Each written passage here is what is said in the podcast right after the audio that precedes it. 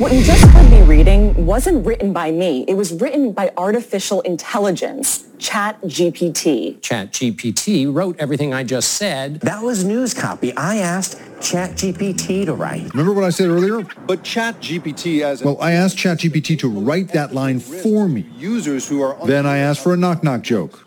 knock knock, who's there? ChatGPT. ChatGPT who? ChatGPT careful, you might not know how it works. Ja, dat is wat eh, heel veel nieuwsmedia en ook heel veel influencers de afgelopen tijd aan het vertellen waren overal in de media. Dat ChatGPT het allerbeste ding is en dat het zo'n schokkende iets doet als dit stukje voor ze schrijven. dat is wat je overal zag. En ehm, ChatGPT heeft ervoor gezorgd dat er een ware oorlog is gestart tussen Microsoft en Google. Dus we gaan tijdens deze aflevering een beetje saus proberen te maken van wat er precies aan de hand is en welke rol dit gaat spelen voor beleggers. Want ik bezit zelf, als ik naar de artificial intelligence eh, space kijk, dan bezit ik zelf ontzettend veel aandelen die met, ehm, met artificial intelligence te maken hebben. Bijvoorbeeld Tesla is een AI-bedrijf die AI gebruikt om eh, auto's autonoom te kunnen laten rijden. Ehm, Nvidia maakt de allerbeste AI-chips die er zijn op dit moment en die worden ook gebruikt voor dingen zoals bijvoorbeeld een ChatGPT. Daarnaast bezit ik natuurlijk Microsoft en ik bezit Google. En dat zijn ook precies de bedrijven die we gaan bespreken vandaag. Laten we even kijken waar dit allemaal begonnen is. Het begon namelijk met eh, Satya Nadella, de CEO van Microsoft, die uitkwam met ChatGPT. I have a lot of respect for Sundar and his team. So therefore, uh, I just want us to innovate, right? So there's always, I mean, we compete today. Uh, today was a day where we brought some more competition to search. We've been at it. Be- Believe me, I've been at it for 20 years and I've been waiting for it. Uh, but look, at the end of the day, they're the 800-pound gorilla on this. And I hope that with our innovation, they will definitely want to come out and show that they can dance. And I want people to know that we made them dance. And I think that'll be a great day. Je zou denken, dat is leuk, dat is tof, dat is gaaf dat ehm Satya Nadella en Microsoft willen concurreren met Google op searchgebied. Maar gaat dit ook echt daadwerkelijk een impact maken? Heeft het zin voor Microsoft om Google te vragen: hey, kom even naar buiten en kom even met ons dansen? En die vraag die wordt beantwoord als we kijken naar dit soort cijfers. Microsoft Bing hits 100 million active users in bid to grab share from Google. Dus Microsoft die krijgt, Microsoft Bing, in één klap 100 miljoen extra actieve gebruikers bij om te kunnen concurreren met Google. Nog 100 miljoen extra actieve gebruikers, dat zijn er ontzettend veel. Het zijn er niet ontzettend veel alleen. Het zijn er ook. Het is ook heel erg snel gegaan. Kijk, bijvoorbeeld ChatGPT heeft in twee maanden tijd 100 miljoen gebruikers weten te bemachtigen. Voor de telefoon duurde dat 75 jaar, voor de mobiele telefoon 16 jaar, het internet 7 jaar en ga zo maar door. En dat komt, dat heb ik ook tijdens mijn vorige video uitgelegd. Eh, de video heet Wat ons allemaal staat te wachten. Dat komt omdat we midden in de vierde industriële revolutie zitten, waarin distributie van software, distributie van producten en diensten steeds sneller en sneller en sneller gaan, omdat we nu een platform hebben gecreëerd waarop als jij iets creëert zoals een ChatGPT, binnen twee maanden kan je het in principe, als het een goed genoeg product is en genoeg aandacht krijgt, in twee maanden tot 100 miljoen gebruikers komen. Terwijl vroeger, als je de, toen de telefoon net was gebouwd, ja, dat het hele ding moet gebouwd worden, mensen moeten de nut ervan inzien. Dat het, duurde jaren om zoiets te distribueren. En zeker omdat het om hardware natuurlijk gaat. Maar zelfs bijvoorbeeld zoiets als Apple App Store en iTunes duurde relatief lang. En dat komt omdat we dus in die vierde industriële revolutie zitten. Kijk die video, daar wordt heel veel uitgelegd. Is heel interessant, eh, denk ik, voor je als je het nog niet gezien hebt. De video heet Wat ons allemaal staat te wachten. En als je hem nog niet gezien hebt, dan, als je hem gezien hebt, dan begrijp je mij natuurlijk een stukje beter. Maar twee maanden om tot 100 miljoen gebruikers te komen. Dus dat zet, dat is wel degelijk een issue voor een bedrijf als Google. En Google moet inderdaad naar de dansvloer komen en zeggen: hey, jullie hebben 100 miljoen actieve gebruikers van ons afgepikt. En wij gaan een op zijn minst een gelijkwaardig product creëren om te kunnen innoveren. Want Google heeft natuurlijk heel erg lang niet geïnnoveerd. En als je heel erg lang niet innoveert, dan komt er op een gegeven moment een concurrent die dat wel gaat doen. In dit geval heeft Microsoft die rol op zich genomen. We gaan zo meteen wat verder op dat soort zaken in. Maar voordat we dat doen, laten we even kijken nog steeds naar die impact. Wat is de impact geweest van Google's, van Microsoft's uh, uh, uitnodiging, zou je kunnen zeggen, om te komen dansen? Als we kijken naar deze chart, is gemaakt door onze grote vrienden van ARK Invest. Brad Winton heeft het getweet. Dan zie je Google Traffic Share versus Bing plus ChatGPT. Dus als we kijken naar Google's Traffic Share, zo'n 99% zie je dat ze uh, aan, aan marktaandeel daarin hebben. Je ziet het sowieso een beetje schommelen en langzaamaan omhoog en omlaag uh, trekken. Het afgelopen jaar, sinds ergens 2022, zie je sowieso dat het wat minder aan het worden was. Hè? het is niet, kijk, het is wel een beetje een chart crime, zoals James het hier noemt. Want hier zie je 99 en hier zie je 96. Dus uiteindelijk is van 99 naar zo'n, ja wat is het, 97 punt nog wat gegaan. Um, dus het is, het is wel echt chart crime. Maar het is bijna 2% ongeveer gezakt sinds ChatGPT geannounced is. En dan hebben we het dus over een periode van drie maanden. Als dit zo doorgaat, die trend, laten we zeggen, dan hebben we het over nog eens 2% en nog eens 2% en nog eens 2%. En voor je het weet is Google misschien wel 10% van hun marktaandeel kwijt. En de vraag is dus, kan Google hier op een serieuze manier op reageren?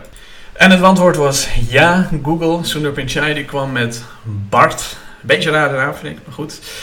Uh, BART AI. En um, BART die faalde meteen door in de demo-versie een, verkeerd antwoord te geven. Uh, er werd uh, gevraagd naar een of andere feit. En um, blijkbaar gaf Google, Google's BART daar een verkeerd antwoord. En dat lijkt een beetje op paniekvoetbal. Ook intern, ze hebben nu BART intern uitgerold voor al hun medewerkers om het te testen en te gebruiken. Want je moet je voorstellen, Microsoft's uh, ChatGPT, oftewel van die van OpenAI, die zorgt ervoor op dit moment dat er honderden miljoenen mensen dat ding aan het leren zijn. En een AI is een zelflerend systeem, dus die leert van iedere zoekopdracht, van iedere keer dat iemand dat ding gebruikt, leert het ervan.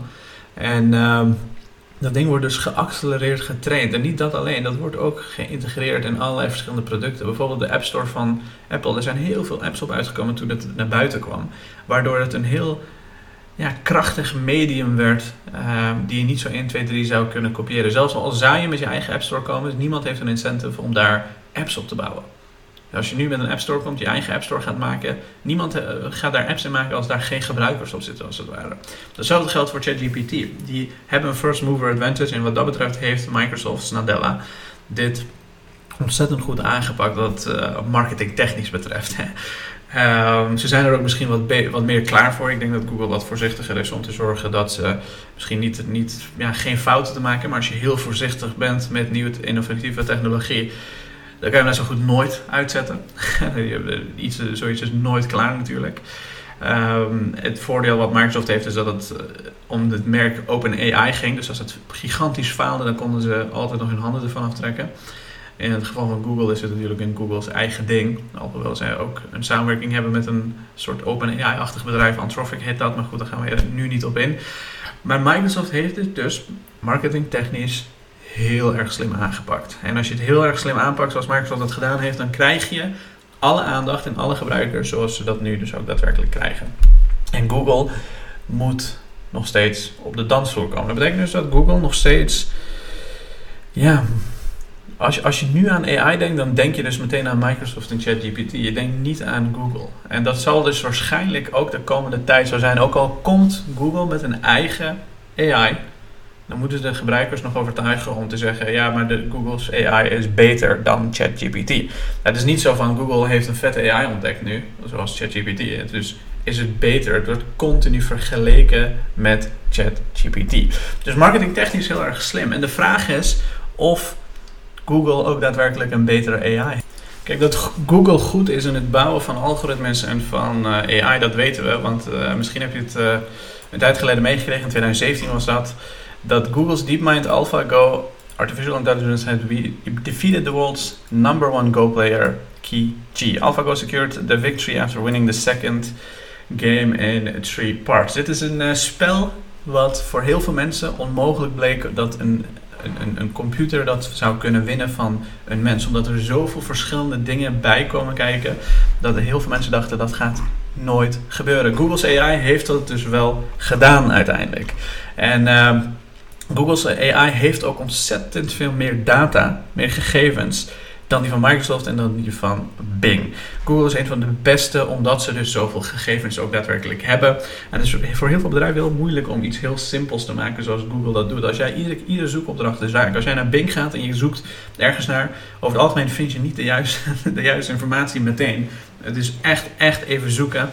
En uh, wat dat betreft is Google, dus wel degelijk een hele duidelijk een goede competitor uh, voor Microsoft. En misschien zelfs wel de winnaar van deze battle. Dus ik zou Google absoluut niet afschrijven. Kijk, zeker de, de omzet die stagneert een beetje. Het, stijgt niet meer zoals ook. Maar we zitten ook natuurlijk in een tijd waar er heel veel economische malaise is. We krijgen nog, volgende week nog de, de inflatiecijfers. En macro-speculanten die zullen daar geheid helemaal los op gaan en misschien zelfs de beurs omlaag gaan praten. Want dat is wat er gebeurt als er op macro-economische zaken dingen gebeuren. En Google die is ontzettend sensitief voor uh, zaken zoals hogere rente, la lagere economische cijfers enzovoorts enzovoorts. En dat komt omdat mensen zo 1, 2, 3 hun online advertenties uit kunnen zetten. Dus online advertenties zijn heel erg, uh, ja, die, die, die hebben als eerste last van macro-economische wind laten we zeggen. Maar die wind, die waait wel weg. En er komt een andere wind, een andere economische wind. En daar zal Google weer gaan groeien en ook omzetten en dergelijke laten zien. Zoals een Facebook, zoals een Roku, zoals ieder bedrijf die afhankelijk is van online advertenties. Dus wat dat betreft, ik zou Google persoonlijk niet zelf afschrijven. Google zal dit uh, technisch gezien winnen. Maar marketingtechnisch gezien moeten ze natuurlijk ook, ook winnen. Want er zijn heel veel voorbeelden van bedrijven die Um, die, die een significant beter product hadden, maar het marketingtechnisch verloren hebben. En dus uiteindelijk ook simpelweg uh, ja, niet hebben kunnen concurreren. En uh, ik hoop dat Google zich daar niet in uh, bevindt. Ik denk het namelijk niet, want ik denk dat Google nog steeds gewoon miljarden gebruikers heeft. Ze zullen waarschijnlijk even wat marktaandeel verliezen hieraan. Maar als ze met een juist antwoord komen, als ze met een goed antwoord komen, en ik denk dat dat gaat lukken, dan kunnen ze de rest van de wereld daarin ook meenemen.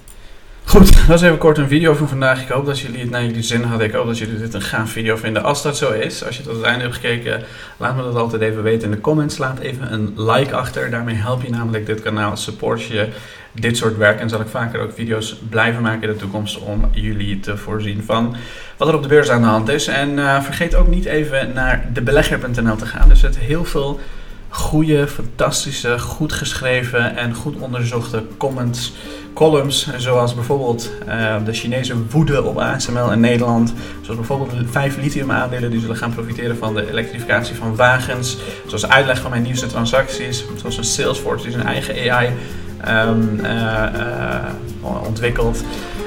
Um, je kunt lid worden van ons fantastisch programma. Ga het even checken. Ga naar debelegger.nl en ik zie je bij de volgende video.